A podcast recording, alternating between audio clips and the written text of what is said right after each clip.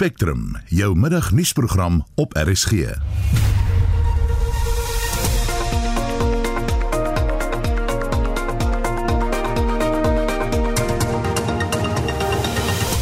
die volgende uur in ons program, die ANC sê hy gaan nie haastig wees om koalisieregerings te vorm nie. A number of parties are going around boastfully saying, Yeah, we will not work with the ANC. But who said we want to work with them? Menseregte organisasies sê beter beskerming vir fluitjieblassers is nie onderhandelbaar nie. they're not finding the protection they need, which means they're either forced to go into hiding, killed, or have to leave the country in order to feel safe. En ons kyk na wat ons kan verwag van donderdag se mini-begroting. Baie welkom by Spectrum. Die redakteur vandag is Justin Kennedy en ons produksieregisseur Johan Pieterse.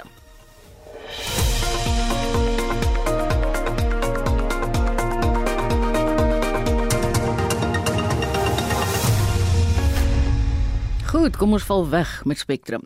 Die Nasionale Departement van Basiese Onderwys in Umalusi het vanoggend 'n media-konferensie gehou oor onder meer die gereedheid van die matriekklas vir die 2021 eindeksamen. Estie de Klerk doen verslag. Die departement van basiese onderwys sê die matriekklas van 2021 is ongetwyfeld die ergste deur die COVID-19 pandemie geraak. Hulle is in 2020 en vanjaar met minder onderrigdae gekonfronteer, eksamens wat afgeskaf is, vakansies wat opgegee moes word om werk in te haal en beurtkrag wat nou 'n impak het op hoe hulle moet leer. Umalusi se direkteur vir kurrikulumimplementering en ondersteuning, Cheryl Weston, sê matriekleerdlinge moes vele uitdagings trotseer. Not only were they subjected to rotational attendance, which resulted in these learners having lost at least half of their teaching and learning time. These learners also had a reduced academic year in 2021 with the late start of the academic year. But to a large extent, this year we managed to, despite the COVID implications, really uh, almost insulate this class as much as was possible under the circumstances. This class also had to face increased psychosocial challenges with the loss of fellow learners, teachers, family members, which is really unprecedented in this instance. Vanjaar se matriekklas moes ook in hulle matriekjaar werk van hulle graad 11 kurrikulum voltooi wat nie in 2020 ingepas kon word nie, wat ekstra druk op die leerdlinge geplaas het. As part of our assessment or our response to COVID 19, we opted to remove, for example, or reduce the end of year and June examinations or mid year examinations in an effort to create more time and focus on teaching and learning as opposed to just assessment. Sy sê skole moes planne beraam oor hoe om verlore onderrigtyd veral vir matriekleerdlinge in te haal. Teachers and schools have created additional time by extending either school day or by offering classes on Saturdays and Sundays in order to ensure that they cover the entire curriculum, keeping in mind there were content and concepts from grade 11 that is part of our recovery curriculum, which these learners are now being subjected to.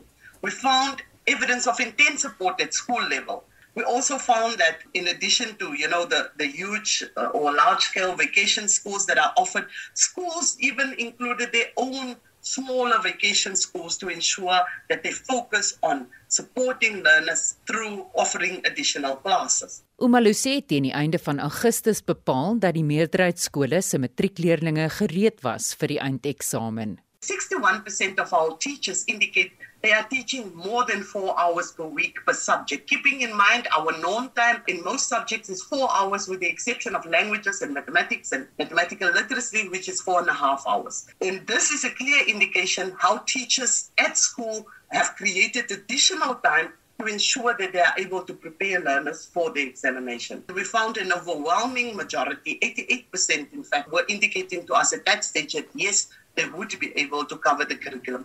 However, there was a 12% that still indicated to us if conditions at the school continue the way it is, they would not be able to cover the curriculum. Dit was Umalusi se direkteur vir kurrikulumimplementering en ondersteuning, Cheryl Weston.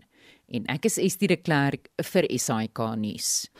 Byna 800 000 leerders skryf nou matriekeksamen.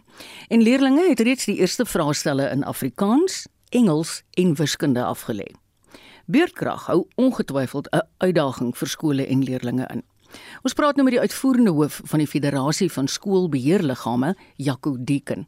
Goeiemôre Jaco. Goeiemôre. Hoe verloop die matriekeksamen sover? Maar ek behalwe vir die beerdkrag klink dit vir regtig. Regtig oorval met beskikbare klagtes nie waar en jy sê kragte regtig billik is. En verskeidelik so ver goed verloop. Jaco, kan ek jou 'n groot guns vra? Sal jy omgee as ons jou binne 'n paar sekondes terugbel? Staan jy op 'n plek waar jy lekker syn het? Kom ek skryf jou, dis nou weer krag in Bloemfontein. Kom ek skryf vir ek hier na, dit klink ek beter. Dit klink vir my beter. Wil jy nie vir ons voorbegin met jou antwoord nie asseblief? Ja, maar ek sal nie terugvoer wat ons so ver gekry het. Dit het eintlik goed gegaan met die leerders wat so ver geskryf het. Daar was nie snaakse voorvalle was nie, behalwe beerdkrag wat die planne omverwerp, maar die berigte wat ons ontvang is dat die vraestelle billik was. As jy nou eerlik moet sê, hoe groot dink jy is die impak en die uitdaging van beerdkrag vir kinders terwyl hulle studeer en selfs tydens die skryf van die eksamen?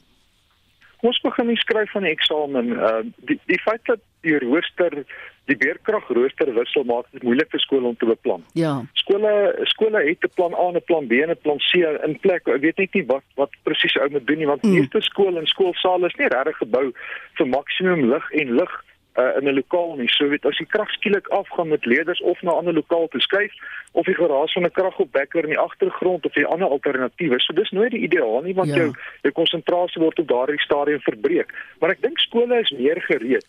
As die leerders wat by die huis moet begin leer en dalk staat maak of 2 of 3 ure die aand mm. en nou gaan die elektrisiteit af en ek mm. dink dis waar die groot bekommernis is vir daai gesinne wat nie heeltemal daarvoor gerig is nie wat eintlik onkant gevang word en dis dis baie jammer. Ek wil jou vra, het julle enige insidente gehad wat betref eksamenvraestelle of ongeruimthede? Dan nie. Ons het nog glad nie berigte ontvang nie. Klink op hierdie stadium of die vraestelle goed afgelewer word en goed opgeneem word. So nee, daar's nog geen skade so skandes waarvan ons weet nie. Ons hoop dit bly so. Weet jy of vanjaar se vraestelle enigsins op 'n ander manier opgestel is met die oog op verlore skooldae weens COVID? Nee, uh Marita, ek dink Umalusi en die departement is daarvan die begin af baie duidelik die die standaard van die eksamen behoort nie in twyfel getrek te word as gevolg van COVID of selfs die inperkings nie. So hierdie span gaan 'n tamelike stewige vraestel hê soos die vorige jare sien wat mekaar vergelyk word. Dink hulle uitdaging was meer opvang van verlore tyd. Mm. Maar ek dink nie daar's werklik waar ingeperk op die moeilikheidsgraad van die van die vraestelling. Jaco, wat is jou opinie? Wat verwag jy gaan die matriekslaagsyfer wees? Ek dink realisties dink ek gaan gaan dit laer wees. Ehm um, hierdie jaar groep in jou goeie onderwysers gaan vir jou sê jou graad 11 jaar is amper belangriker as die graad 12 jaar. Mm. Hierdie spannetjie, die graad 11 jaar was moeiliker geweest om vir die jaar se aandag was so saaklik op die graad 12 om seker te maak hulle kom weer die stelsel. Ja. So ons gaan die impak daarvan moet sien uh, jou jou goeie skole gaan weer baie goed presteer want hulle kon oorskuif na tegnologie toe en daardie onderwysers weet hoe maklik en vinnig aan te pas. Maar dis nie die die realiteit vir die meeste skole in Suid-Afrika nie. So ek dink realisties gesproke gaan die gaan die slaagsyfer sak. Jy weet ek dink baie keer Jaco as ons dink in die stad is dit nogal moeilik as jy moet studeer want al die planne wat gemaak word is 'n plan B, C of D, maar dan dink ek aan daai diep plattelandse plekke. Regtig was ek sê arm gemeenskappe, daar is net nie planne te maak nie. Ek het sê dat daar is skool wat nog altyd sonder elektrisiteit was voor Covid gaan nie nou noodwendig hê nie en beerdkrag sou nooit geïmpakteer het nie. So daardie kinders nog altyd onder baie moeilike omstandighede geskryf. Ja. ja. En en ek dink uh, ons vergeet baie keer weet 'n spoeltoilet en 'n skakelaar wat aangaan is nie die realiteit vir almal in die stelsel nie. Dit is Ek dink daar daar dra die departement 'n groot klomp blame wat uh, geld teruggestuur word wat nie spandeer is op infrastruktuur nie en met die bekostigbaarheid en beskikbaarheid van alternatiewe energiebronne behoort dit groot prioriteit vir die departement te wees om daai landelike gebiede seker te maak kom ons gebruik die sonkrag, kom ons gebruik die windkrag, kom ons maak seker daar's lopende water mm. dat ons die kinders die beste moontlike kans kan gee om hierdie siklus van armoede te breek en regtig 'n betekenisvolle rol in samelewing kan speel. Ja. Baie dankie Jaco, ek is seker ons gaan nog tydens die eksamen met jou gesels, maar dankie vir vandag. Ons het gepraat met die uitvoerende hoof van die Federasie van Skoolbeheerliggame, Jaco Deeken. As dit vir jou saak maak, is 14 en 'n half minute oor 12. Die menseregte organisasie Amnesty Internasionaal sê die feit dat vletjieblassers in die land onveilig voel, is 'n bedreiging vir demokrasie. Die organisasie sê hoewel die kwessie nie uniek is aan Suid-Afrika nie, dit onaanvaarbaar is dat vletjieblassers gedreig en selfs vermoor word. Dit volg op 'n getuie by die staatskapingskommissie Ethel Williams se besluit om die land te verlaat na sy hulpkrete oor dreigemente op dowe ore geval het. Marlene Forsie het meer besonderhede. Die organisasie se woordvoerder in Suid-Afrika, Genevieve Quintal, sê dit is kommerwekkend dat vletjieblassers se hulpkrete dikwels gering geag word. They're not finding the protection they need, which means they're either forced to go into hiding, are killed, or have to leave the country in order to feel safe. And we are saying that the state is obliged to provide whistleblowers with protection, just as they are obliged to provide all citizens with safety and security. Sy sê vletjieblassers is van onskatbare waarde in demokrasie. They are a warning sign that lets us know as society, as authorities, that something is going wrong. They expose acts of criminality and abuse by governments, corporations, organizations, and individuals. And without whistleblowers, evidence of large scale human rights violations would never surface. Volgens haar het president Cyril Ramaphosa reeds in April gesê strenger wetgewing is in die verband nodig en hoewel die departement van justisie glo daar is beskerming vir vletjieblassers, meen Quintal dis nie voldoende nie. If you look at Ethel Williams' statement, he talks about going to the authorities and saying there are these threats, and they're like, well, we need certain incidences. I don't have certain incidences. My life is under threat. I've been told certain things, and they're like, well, if we don't have a certain incident, we can't help you. So obviously, more needs to be done. Legislation needs to be beefed up in order to protect whistleblowers. Die organisasie sê dus dis nodig dat die sekuriteitsgroepering in die land erns maak wanneer mense met soortgelyke aanklagte na hulle toe kom. You need people to really understand the situation and why whistleblowers need to be protected. So also as civil society, as citizens, we need to keep putting pressure on government to take this seriously, to provide that protection for whistleblowers.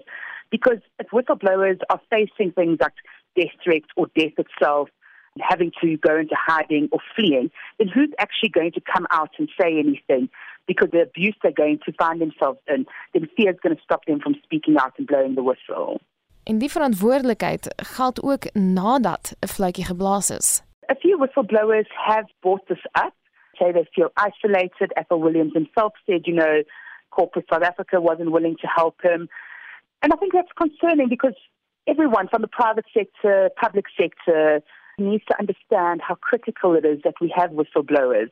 And if we're not going to support them, are we going to deter people from actually blowing the whistle because they're going to feel like, well, I'm never going to actually have support from this. My life is going to spiral out of control. And so then they keep quiet. Dit was Amnesty Internasionaal in Suid-Afrika se woordvoerder Genevieve Quintal. Sy sê die gebrekkige beskerming van vletjieblassers moet wêreldwyd meer doeltreffend hanteer word. Marlene Forsie is ikonies. President Cyril Ramaphosa sê die ANC is nie desperaat nie en sal nie smeek vir koalisievennootskappe nie. Het gister in Soweto die regerende party se vertoning in die onlangse plaaslike regeringsverkiesing bespreek. Joan Marie Verhoef doen verslag. President Ramaphosa het gister erken dat die ANC tydens die verkiesing vir die eerste keer sedert die begin van demokrasie swak presteer het. This was probably the most difficult election campaign that we have ever undertaken. And it is, yes, the worst electoral outcome for the ANC in 27 years of democracy. But it was a difficult campaign. This is the first time, comrades, that the ANC's share of the national vote has fallen below 50%. The ANC's support declined in all provinces, and we only achieved an outright majority in two of the eight metropolitan municipalities in the country. Hy het ook redes verskaf waarom sommige kiesers die ANC verwerp het terwyl ander net eenvoudig nie hulle stemme uitgebring het nie. We are the first to acknowledge that the most critical factors are those that have to do with the state of our organization, our performance in government. The poor state of many municipalities was a key factor to the decline in support for the ANC. They said in many ways that this is what is eating the ANC away. We fight continuously as though there is no tomorrow. we are not united at leadership level, that's where we fight to the death. Met meer as 60 munisipaliteite wat nie 'n volstrekte meerderheid het nie, hou Ramaphosa egter vol. Die ANC sal nie smeek om koalisies met ander partye te vorm nie. A number of parties are going around boastfully saying, "Yeah, we will not work with the ANC." But who said we want to work with them? We are not on our knees.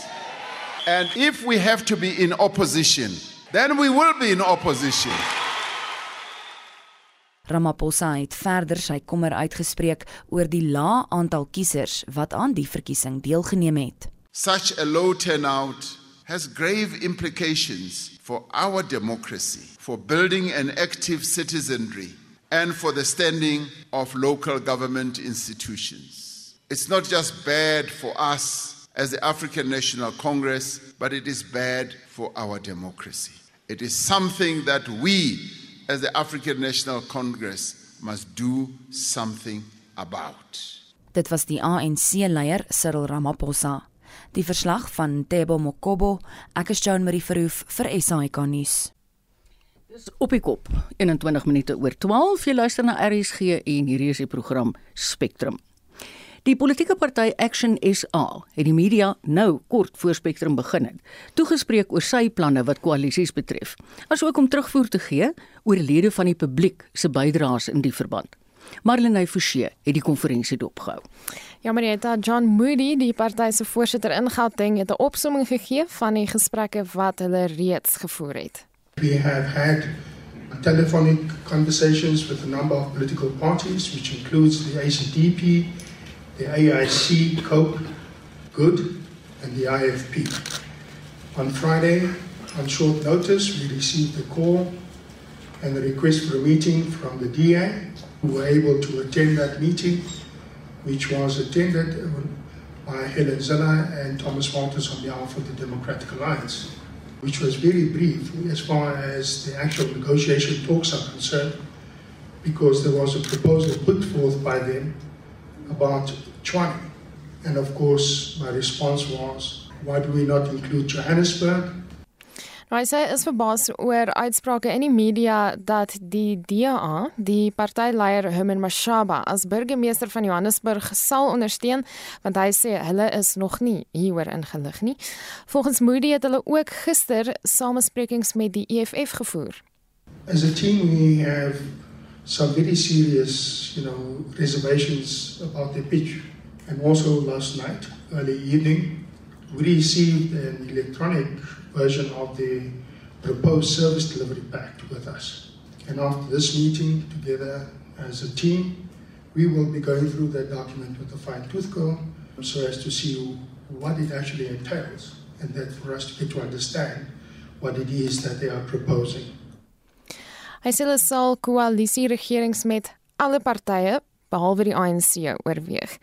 Nou die partyleier Herman Mashaba beklemtoon dat inwoners se belange eerste gestel gaan word in samesprekings en dat respek en stabiele regerings die hoekstene van hulle benadering tot koalisie samesprekings gaan vorm. We cannot afford to get into an arrangement where we can already see in advance a possibility of an unstable government. Uh, one of the fortunate South Africans was involved in coalition arrangement. You can see in advance that uh, this particular political party, it's not advisable to get involved in it because somewhere along the line, you're going to have challenges. So where we see challenges, what we are saying, please, let's rather be open to our fellow South Africans because it's in their interest that we do this to say, look, we are not, we don't feel comfortable going into bed with this particular political party because we are going to encounter challenges. So sterk voel hulle oor die saak dat hulle bereid is om nie in koalisies betrokke te raak nie. So in the event that we are unable to uh, uh, find coalition partners that can work with us to serve people of South Africa, we are happy uh, to be on the opposition benches and prepare ourselves for 2024, a big project So we are happy to be in the opposition benches, prepare ourselves to set up structures throughout the country. As you are aware, we're sitting right now with only three provincial chairpersons. So we've got six more municipal, I mean, uh, provinces to ensure that uh, we have a full-time professional church persons who can start the work of preparing Action SA for 2024. Dit was die leier van Action SA, Homer Mashaba, wat agter beklemtoon dat dit waar hy nou net gepraat het, 'n laaste uitweg is. Hulle wil dit nie graag hê nie, maar hulle is bereid om dit te doen.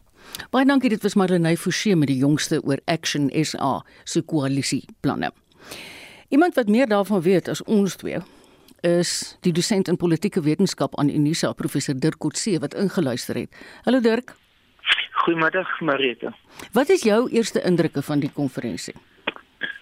Wel ek dink die belangrikste ding wat uitstaan is hulle die klem wat hulle absoluut plaas op die idee van dat hulle wil uh in in voeling bly met die kiesers en die mense wat hulle ondersteun het en dis hoekom hulle ook hierdie uh uh verslag uh, voorgelê het van die die opinies van hmm. dit wat hulle gekry het van omtrent 17000 van hulle ondersteuners wat aan hierdie proses deelgeneem het is 'n tipe van 'n meningsopname.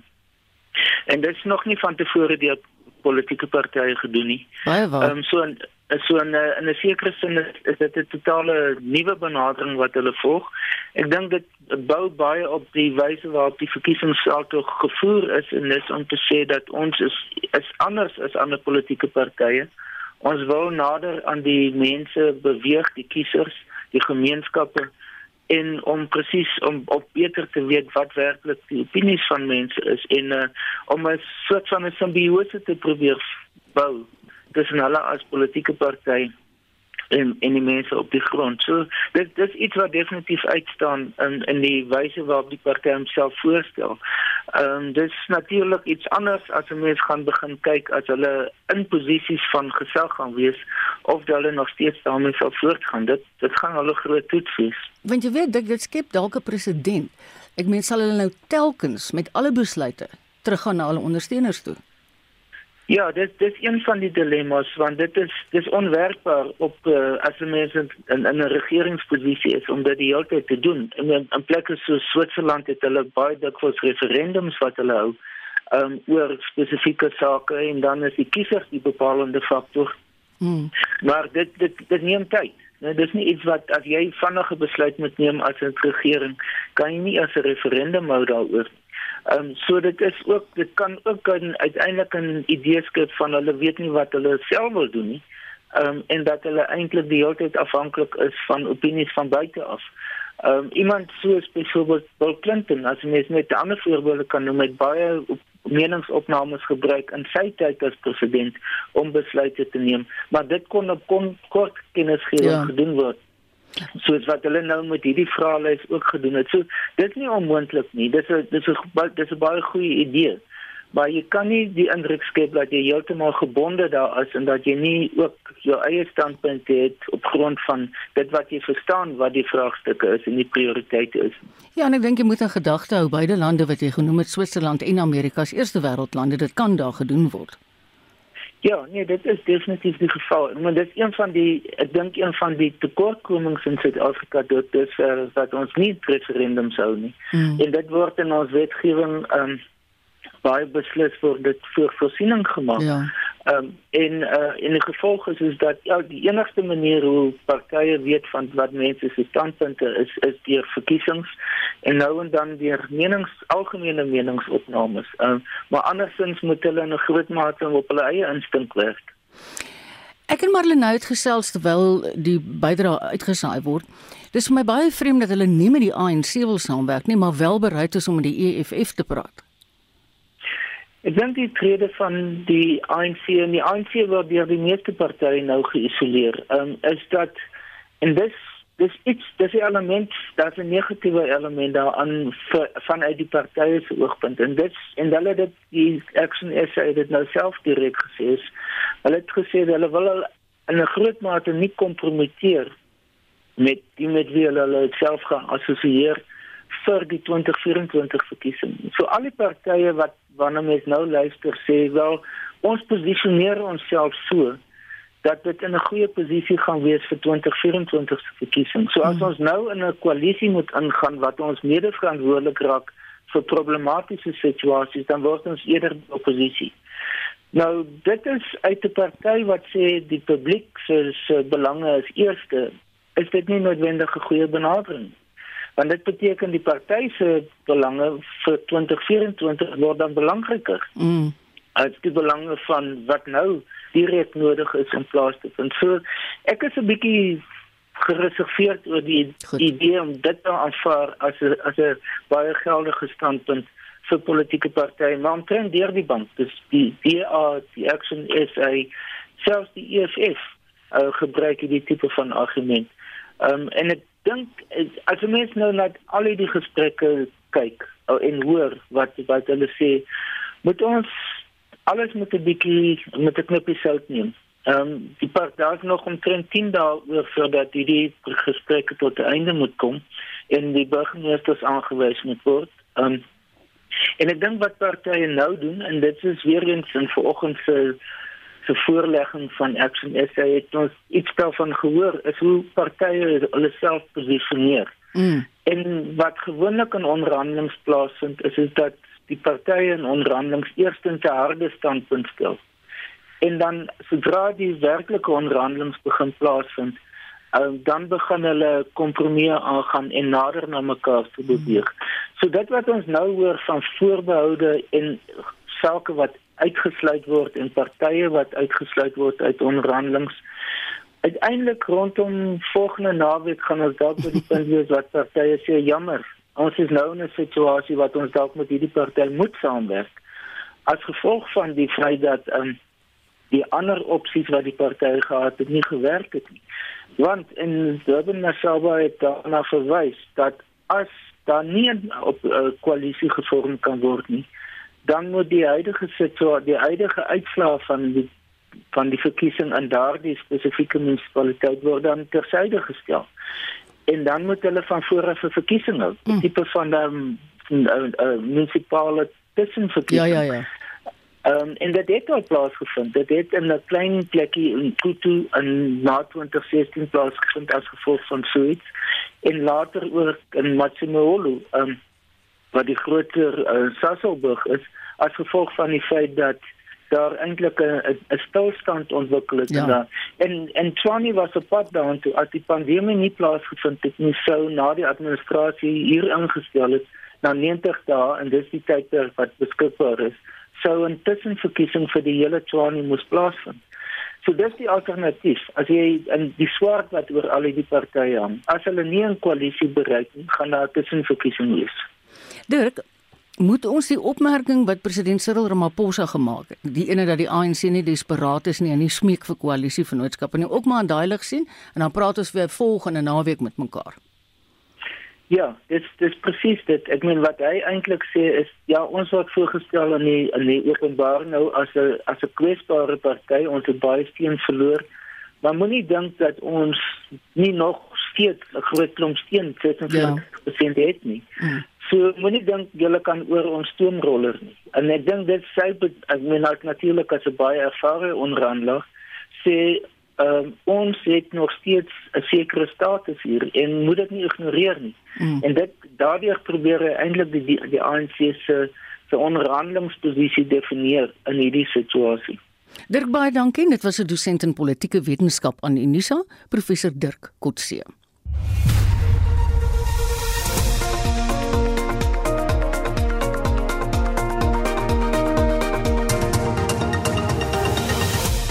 Volgende stories lê nog voor. Die mediumtermynbegroting word oormôre gelewer. Wat kan ons verwag?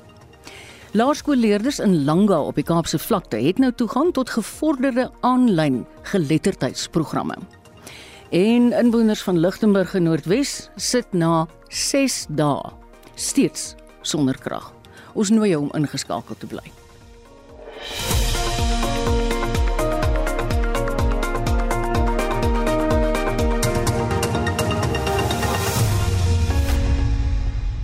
Nou gaan ons aan.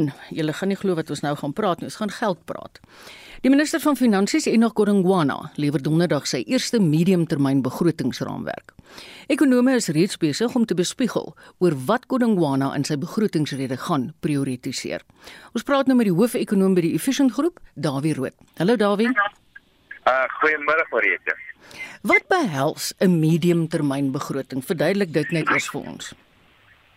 Uh wel ek dink dit is miskien 'n baie goeie plek om te begin want dit is nie werkbare begroting nie. Dit staan net as die sogenaamde uh die staan ook bekend as die sogenaamde mini begroting of dit staan bekend as 'n tussentydbegroting en dit is glad nie werkbare begroting nie. Dis eintlik maar net 'n ge geleentheid vir die minister van finansies uh om om vir ons 'n opdatering te gee van wat is besig om te gebeur met die Suid-Afrikaanse ekonomie. So, so 'n sekere klompie syfers vir ons belangrik wees soos byvoorbeeld sy verwagtinge in terme van ekonomiese groei en natuurlik ook baie belangrik hoe verloop die staat se finansies die afgelope 6 maande of so. So hy hy gaan vir ons vertel wat die staat se inkomste is, wat sy verwagtinge in terme van inkomste was en dies meer. So dit is die belangrikste goed wat hier gaan gebeur. Dit is nie die platform om belastingveranderings aan te kondig nie. Nee, nee. Dis ook nie die plat dis ook nie die platform om ander goedes aan te kondig nie. So hy gaan byvoorbeeld nie aankondigings maak oor oor uh, goed soos belastingveranderings en dies meer. Die sy verantwoordelikheid hierso is net om ons 'n terugvoer te gee van wat wat gebeur het met die begroting. Wat dink jy gaan in die begroting prioritiseer? Ja, daar's 'n paar goed wat ek uh, dink nogal gaan uitstaan vir my. Die ek het al reeds genoem die belastings. Op hierdie stadium doen die staat se belastings baie baie goed. En die staat se belastings doen baie goed hoofsaaklik as gevolg van die hulpbronsiklus wat baie sterk is. Ons weet die mynbou in Suid-Afrika doen baie goed, hulpbronpryse is baie hoog en die staat se ontvangs is as gevolg van veral daardie maatskappybelastings, die doen eintlik baie goed. So dis een syfer wat ons almal gaan na kyk om te kyk hoe die belastinginkomste van die staat gaan verloop. Die tweede syfer is die minister se verwagte ekonomiese groei syfers vir die jaar. En ons reken almal dat hy gaan sy ekonomiese groei verwagtinge vir die jaar opwaarts aanpas. En dan moet mense die res daarvan moet mense self tussen die lyne lees. Want dan moet mense nou kyk of jy tussen die lyne enige opmerkings gaan kry oor goeder soos byvoorbeeld 'n baas 'n basiese inkomste toelaag, 'n sogenaamde basic income grant, gaan dit iets daarvan hoor. Uh, ek dink ons gaan so te loops of ten minste een van die toelaag to, to, uh, gaan hy moontlik hierdie hierdie hierdie tydelike toelaag van ja. 150 rand gaan hy dit miskien verder verleng dit iets? Gaan hy byvoorbeeld uh, verder en dis moontlike aankondiging wat hy kan maak uh, en gaan hy moontlik verder ondersteuning gee van die staatsbeheerde instellings vir al die landbank dink ek is nogal 'n belangrike een daardie tipe van goederes maar moenie verwag dat hy belastingveranderings gaan aankondig nie en moet ook nie verwag dat hy enige enige ander groot aankondigings gaan maak behalwe miskien noodtipe van aankondigings. Hy gaan nie byvoorbeeld 'n aankondiging maak dat hy meer gaan spandeer op onderwys eh, of so iets. Ja ja ja ja. ja. Mm. Dit is dit is tipies wat dit tipe van aankondigings, beleidsveranderings met ander woorde. Ja. Is tipies uh, aankondigings wat eers in die Februarie begroting aangekondig. Daar's die laaste tyd in die media vreeslik baie bespiegelinge oor al hierdie verskillende toelae. Jy het nou verwys na die R350 se ene wat nou met COVID gekom het. Maar dan ja. is daar ook die kindertoelaag, daar is die ou mens toelaag. Ehm um, en daar jy weet jy het nou gesê die inkomste lyk goed, die inkomstebelasting. Maar nou sit ons in Suid-Afrika op die oomblik 3 keer 'n dag in die donker. Dan wil ek as 'n belastingbetaler weet, waartoe gaan my belasting? Ja, die grootste gedeelte van jou belasting, die enkele grootste uitgawe item van die minister van finansies is onderwys. Dis die grootste ene en dan die onderskeie toelaag waarna jy verwys het, is jy weet nommer 2, 3 hang af wat jy alles wil bymekaar tel. En dan ook 'n ander grootte is die rente op staatsskuld en die staatsskuld ja, ja. het baie dramaties toegeneem. Hmm. En net om met 'n perspektief te stel, weet jy daar's 28 miljoen mense wat vandag elke maand 'n toelaag by die staat kry, terwyl daar 14 miljoen mense is wat werk het in Suid-Afrika. So dit dit wys net maar net dat dat hierdie tipe van goed is, ons kan dit nie meer bekostig nee. nie, maar die staatsfinansies is absoluut in 'n in 'n gemors. Alhoewel nou die laaste klompie maande gaan dit besonder goed as gevolg van die redes wat ek nou genoem het. Mm, mm, mm. Maar jy het maar reg 'n toelaagstelsel, dit is sekerlik in die nuus. Daar word gepraat, daar's baie druk op die minister om 'n sogenaamde basiese inkomste toelaag ja. toe te staan. En dit is 'n toelaag aan almal uh wat miskien die bestaande toelaag kan vervang. Daar's ook sprake van die moontlikheid van 'n familietipe van toelaag. So dis alles dinge wat op wat sekerlik bespreek word. Ek dink ek gaan miskien daarna verwys, maar ek dink nie 'n noodwendige aankondiging daaroor sou kom nie, want ons het ten minste daarom nou kans tot volgende jaar Maart wanneer die hierdie bestaande hmm. spesiale toelaag van 350 rand teen einde loop. En dit is 9 miljoen mense uh, wat dit nou ekstra kry tot die einde van Maart en dan gaan ons moontlik in Februarie hoor of dit met iets anders te vervang ja. kan word. Goed. Baie dankie Dawie. Dit was Dawie Rood, die hoofekonoom by die Efficient Groep.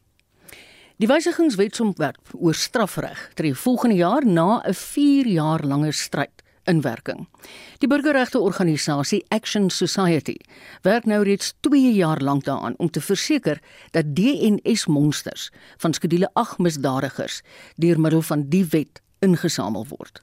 'n Woordvoerder, Ian Cameron, het aan Marlenae gesê hulle is verheug oor hierdie wending. Ons hoop natuurlik dat die implementering daarvan effektief gedoen sal word en dat dit nie net lippe diens is soos dit ons dit wil gesien het nie. Hierdie is 'n massiewe stap vorentoe. Daar's amper 100 000 skedule 8 oortreders wat vrygelaat is en hierdie beteken dat ons amper 100 000 oortreders se DNA samples kan kry en dit kan 'n wesenlike impak maak op reg en geregtigheid in Suid-Afrika. Hy sê Action Society en DNA Africa was van die grootste drukgroepe wat hulle vir die goedkeuring van die wysigingswetsontwerp beywer het. Dit ook Andrew Whitfield van die DA, die skare minister van polisie het 'n wesenlike rol gespeel om druk te pas. Ek dink nie mense besef altyd wat is die belangrikheid van DNS wanneer dit kom by misdaadondersoeke nie. DNS is een van die beste maniere om uh, iemand te koppel nie net aan 'n aan 'n toneel nie, maar maar dalk self aan 'n mens. Dit gee ook vir ons die vermoë om baie van hierdie mense te koppel aan misdrywe wat hulle dalk gepleeg het nadat hulle vrygelaat is en dit kan vir ons die moontlikheid skep om 'n klomp ander sake ook te maak. Maar was dit net hulle betrokkeheid wat veroorsaak het dat die saak die nodige aandag geniet het?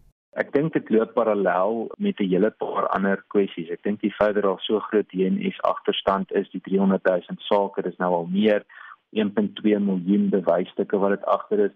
Hulle gee eintlik vir ons so maklik skiet goed om te sê maar hierdie is die tipe kwessies wat ons moet uitsorteer en ek dink organisasies soos Action Society saam met Deur South Africa het 'n wesenlike deurbraak gemaak om duisende mense te bereik en vir duisende mense se steun te vra wanneer dit kom by hierdie tipe veldtogte en dit maak dit soveel makliker as die publiek saam met jou op hierdie bus klim.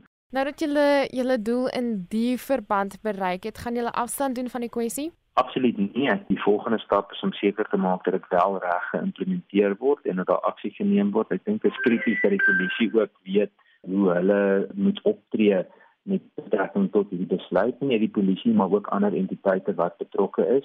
Ek dink dit is ook uh, redelik belangrik dat ons seker maak ons staan nie nou terug met kwessies soos die DNS agterstand en ander uitdagings wat forensiese dienslewering betref. Action Society is intussen by 'n hele rits ander projekte betrokke. Ons is tans besig in Mitchells Plain in die Lentegeer omgewing waar ons 'n bietjie opleidingsmateriaal toets om te kyk hoe ons die gemeenskap en, en veral vrouens daar kan bemagtig wat 'n wesenlike rol speel om seker te maak kinders kom veilig by die skool wanneer daar bende geweld in die area is.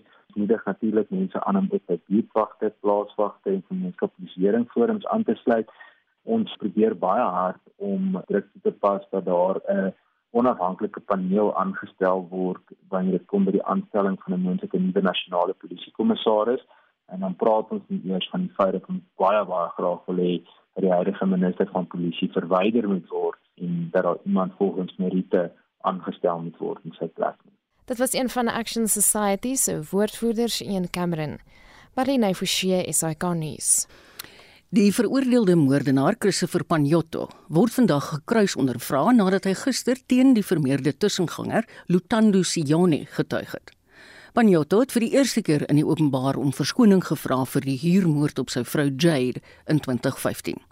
Vir meer oor die saak praat ons nou met ons verslaggewer by die Hooggeregshof in Quebec, Kim Daniels. Hallo Kim. Hi, good afternoon. Wat het Panjotto toe dus gister en vandag getuig? Uh, well, yesterday, as you said in your intro, he did apologize for what he had did. Um, he said he was under a lot of stress, and that's what led um, to the whole plan, you know, of him killing um, or hiring the hitman, the alleged Sione, to do what he did. Um, so now Lieutenant Sione has a separate trial, of, you know, off the main trial of the Odu. And Sione's attorney, uh, Sipokasi Kubungo, cross-examined this morning, as, as you have mentioned and then asked him that if he had knew if he knew he was guilty of uh, describe why he appealed his, his conviction. And then Panayoti testified that he had many regrets and he's not proud of what he did. But he also didn't want to face a life sentence, and that's the main reason why he kept appealing his conviction. And then Kabunga also dug into the, the day that Panayoti decided to kill his wife and how the Sioni to get the job done, how that all happened. Um, and they spoke on that matter as well. And he said he sat in a bar one day just coming, um, just had a fight with his wife, Jade, and he sat with Sioni, and this whole plan um, was just was hatched. Um, he, she concluded the cross this morning by showing him a picture that was not shown to the gallery um, in court uh, mm-hmm. this morning. She asked uh, if this picture was a goal of the plan, assuming that it's um, a picture of Jade's body. Um, she asked him if he succeeded in getting his stress levels down because he said he was under immense pressure, and this was the only way he could let go of some of that pressure. Um, and she obviously also asked if he had achieved his goal. Uh, Panayoti did say he achieved his goal, but his stress levels didn't go down. Um, and he maintained that he was sorry and he didn't expect forgiveness.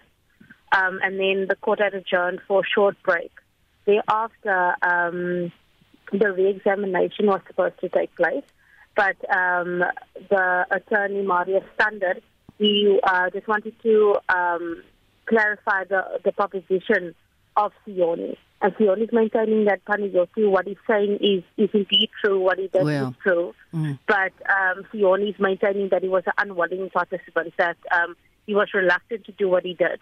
Um, and that um, uh, was very persistent in him um, doing the deed by before you increase their trade. So they have put a, the state has put an application forward to uh, play the video footage of um, Panayoti sitting with Sioni in the car they discussed what wow. had happened. Mm. And that had just um, the, that video just played in court now, and they've adjourned and they are done with Panayoti uh, for the morning. Okay. They'll bring in more witnesses now at two o'clock. Weet jy wie is daai getuienis? No, the the, the witness list wasn't wasn't uh, given okay. to the journalist Goed. yet. Yes. Was uh, Jade se ouers of familie in die hof? Their family, the family was there. Um, they were speaking to them this morning. They were quite disgusted um, at at Panioti's apology. They feel that it was insincere. Wow. They felt that if um, he was really sorry, he would have sent uh, a letter or yeah. given a phone call from jail as it is, and they feel that he's just buying brownie points. Kim baie dankie. Ja. Thank you. Dankie hoor. Dit was ons verslaggewer in die Oos-Kaap, Kim Daniels. Inwoners van Lichtenburg in Noordwes is reeds 6 dae sonder elektrisiteit. Die substasie het donderdag ontplof en kragvoorsiening na dele van Lichtenburg en die Blydewil woongebied is onmiddellik afgesny. Ten spyte van beloftes van die munisipaliteit dat die kragtoevoer reeds Sondag herstel sou wees, is inwoners steeds sonder krag op hierdie Dinsdag. Estie de Klerk doen verslag. Spectrum het gister berig oor die kragvoorsieningskrisis in Lichtenburg. Die kommunikasiebeampte van die Ditchebotla plaaslike munisipaliteit, Pius Patsile, sê dele van die dorp se krag is reeds herstel, maar ander probleme het verhoed dat krag voorsien kan word na die woonbuurt Retief Park. We have discovered that one of the cables that is supplying power from the main substation to that area was experiencing some multiple uh, faults. So as a result, we were forced as a municipality to build a new overhead line. We are building an overhead line of electricity to supply electricity from the substation. But what we have discovered yesterday, during the work, there were some lines, there were some underground cables that were affected. That is why our work has been delayed a bit, but we are busy working on that problem. Hy sê die elektrisiteit sal vandag herstel wees. Die watervoorsiening na inwoners word ook deur die gebrek aan elektrisiteit beïnvloed omdat water nie van die reservoir gepomp kan word nie. Maar Lichtenburg gaan reeds etlike jare gebuk onder watervoorsieningsprobleme. Daar is bedags geen lopende water in die krane beskikbaar nie. Jacqueline Theologo, die DA se kiesafdelingshoof van die Nyaka Modiri Molema distriksmunisipaliteit wat onder die Ditchebotla plaaslike munisipaliteit in Lichtenburg sorteer, het dit so verduidelik. Hierdie is werklike krisis. Die distriksmunisipaliteit Nyaka Modiri Molema is besig om van die boorgate oor te boor. Daar is meer as 20 boorgate, net 11 is in bruikbare toestand en op hierdie stadium het ons net 4 boorgate wat voldoende pomp, 'n 15 is oorgeskuif wat dit beter maak, maar die kragkrisis beïnvloed ons watertoevoer ongelooflik baie. Eerstens beteken dit dat daar kan nie water gepomp word nie. Al ons water is ondergrondse water en dit kom direk van die boorgate af na die waterwerke toe en dan word dit aan die dorp versprei die tweede ure in die oggend en die 2 ure in die aand. Wat die situasie nog meer vererger is natuurlik beerdkrag en beerdkrag maak dat ons nie die Eskom gedeeltes van die pompe kan pomp as dit daar beerdkrag is nie en dan direk daarna is die ander dele in die klipveld waar die munisipale kragtoevoer is na die pompe ook so ook die waterwerke staan dan. So dis soos 'n dubbele slag wat ons dan kry. Toe Batsile hieroor gekonfronteer is, het hy gesê die munisipaliteit het nou 'n plan om die waterprobleem in die dorp op te los. We are busy with the water project in Lichtenberg. There's been changing this old underground cable. They are installing the new PVC pipes. We have been experiencing unnecessary leakages, been losing a lot of water because of the leakage that we have been experiencing for a very long time. They are also going to drill some new boreholes so that the water, the piping of water can be much improved in Lichtenberg. We're going to build another reservoir. So currently those are the plans that are in place between ourselves and the, and the municipality and the district municipality.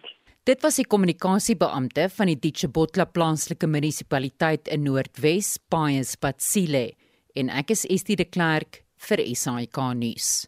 7 minute voor 1 en ons sluit nou aan by Renier van Sail, portefeuljebestuurder by Efficient Private Clients vir vanmiddag se sake nuus. Hallo, um, Renier. Goeie. Okay, so is die Renier, kan ek jou 'n groot guns vra? Kan jy 'n bietjie rondskuif asseblief? Ons verloor jou ten volle wat jou sein betref. Ek weet of jy my nou kan hoor. Ja, nou kan ons jou beter hoor. Dankie skat.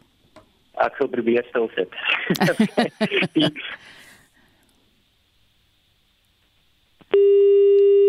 Goed, ons gaan nou nou-nou probeer om vir 'n uur weer in die hande te kry. Ek weet, op die oomblik is dit 'n geweldige probleem. Baie seltorings werk nie meer nie as gevolg van die kragonderbrekings. Een van die laaste rokke wat deur die sangeres Amy Winehouse gedra is voor haar dood, is opgevuil vir sowat 2,8 miljoen rand. Winehouse se kragtige stem en unieke mengsel van genres het aan haar heelwat roem besorg. Na 'n geskiedenis van dwelm en drankmisbruik is sy in 2017 op die ouderdom van 27 jaar dood aan alkoholvergiftiging. Haar rok is opgeval deur die maatskappy Julians en die bestuurshoof Martin Nolan het so gereageer. The prices we're getting for Amy Winehouse are prices that we've got with previous auctions for people like Marilyn Monroe. So she's just a global icon as Marilyn Monroe was. We lost Marilyn very young. We lost Amy, obviously, at 27. So I think that's what people are clinging on to. They're trying to keep that memory alive and want to own something to preserve her legacy. Baie interessant. Dit was Amy Winehouse um, amptelike ou wat by Julians, die bestuurshoof Martin Nolan wat haar laaste rok wat sy gedra het opgevoer het. Renier, ek hoor na vele gesukkel het ons vir jou inderdaad weer op die lyn my skat. Is jy nou daar? Ek ek is inderdaad hier so. Ek hoop nou my my internet werk, maar kom ons probeer weer. Dis Renier van Sou van Efficient Private Clients. Natuurlik. So as ons nou kyk, die alle aandele indeks is op die oomblik op met so 0.2%, soos ek genoem het, en die top 40 indeks is op met 0.3%. Hulle word hoofsaaklik hoër getrek vandag deur ons hulpbronne wat sterker is met 1.5% en ons banke aan die ander kant is ongelukkig laer met 0.5% vir die dag. Dan die grootste presteerders, die grootste wenners vir die dag. So die oomblik Sirius is lekker sterk. Hy's op met so 4% en as ons kyk na die grootste verloorder is Telkom laer met bykans 10% vir die dag. Dit nadat hy vanoggend ehm um, daar resultate vrygestel het wat nie nou wense was nie. As ons kyk wat die rand gedoen het van vanoggend se vlakke, het hy klein bietjie versterk. Hy staan op die oomblik teen so 14.80 teen die dollar. En dan as ons kyk na ons kommoditeite, is die prys van goud hoër met 0.3%. Hy staan op 1825 dollars per fyn ons. Die prys van Brent olie is sterker met 0.2%. Hy is op 84 dollars 37 per vatjie Brent. Die Amerikaanse markte het gisteraand in positiewe terrein gesluit. Nou as ons kyk na meeste Europese markte verhandel hulle ook tans in positiewe terrein En dit is al van my kant af. Baie dankie Renier toe ons hom nou eintlik gekry het. Toe is hy op sy pos. En ja, dit is omtrent naby aan die einde van vandag se Spectrum.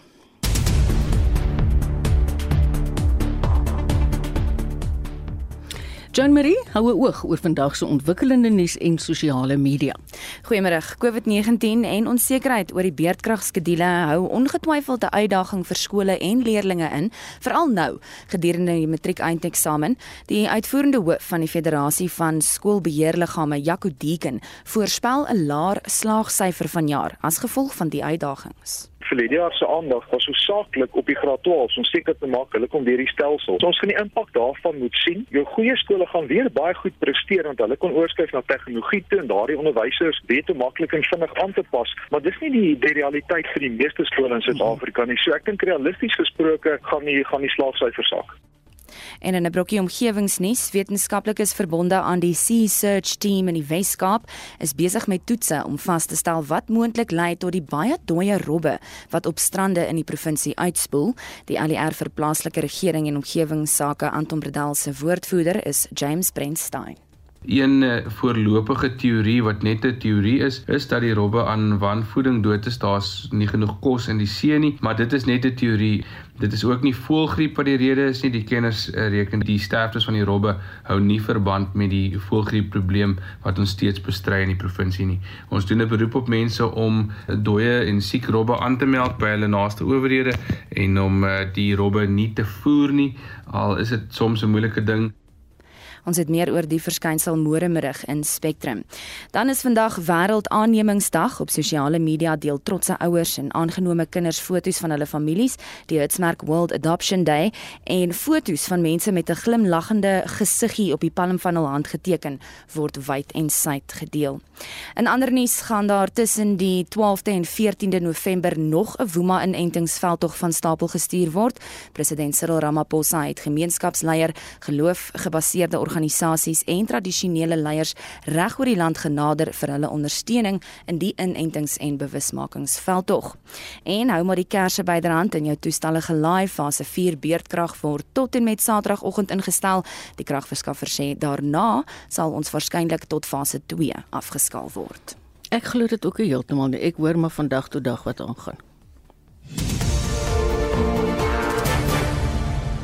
Dit was Joan Marie Verhoef. Sy het regtig vandag hard gewerk. Ek het haar geprys hier in die ateljee. daarmee kom ons aan die einde, regte einde van Spectrum vir vandag. En ek groet namens ons uitvoerende regisseur Nicoline de Wee, vandag se redakteur Justin Kennedy, produksieregisseur Johan Pieterse. En daar's 'n klomp medewerkers wat ons hande in die lug hou. Ek sê dankie vir hulle almal. Ek hoop jy geniet jou middag in die geselskap van RSG.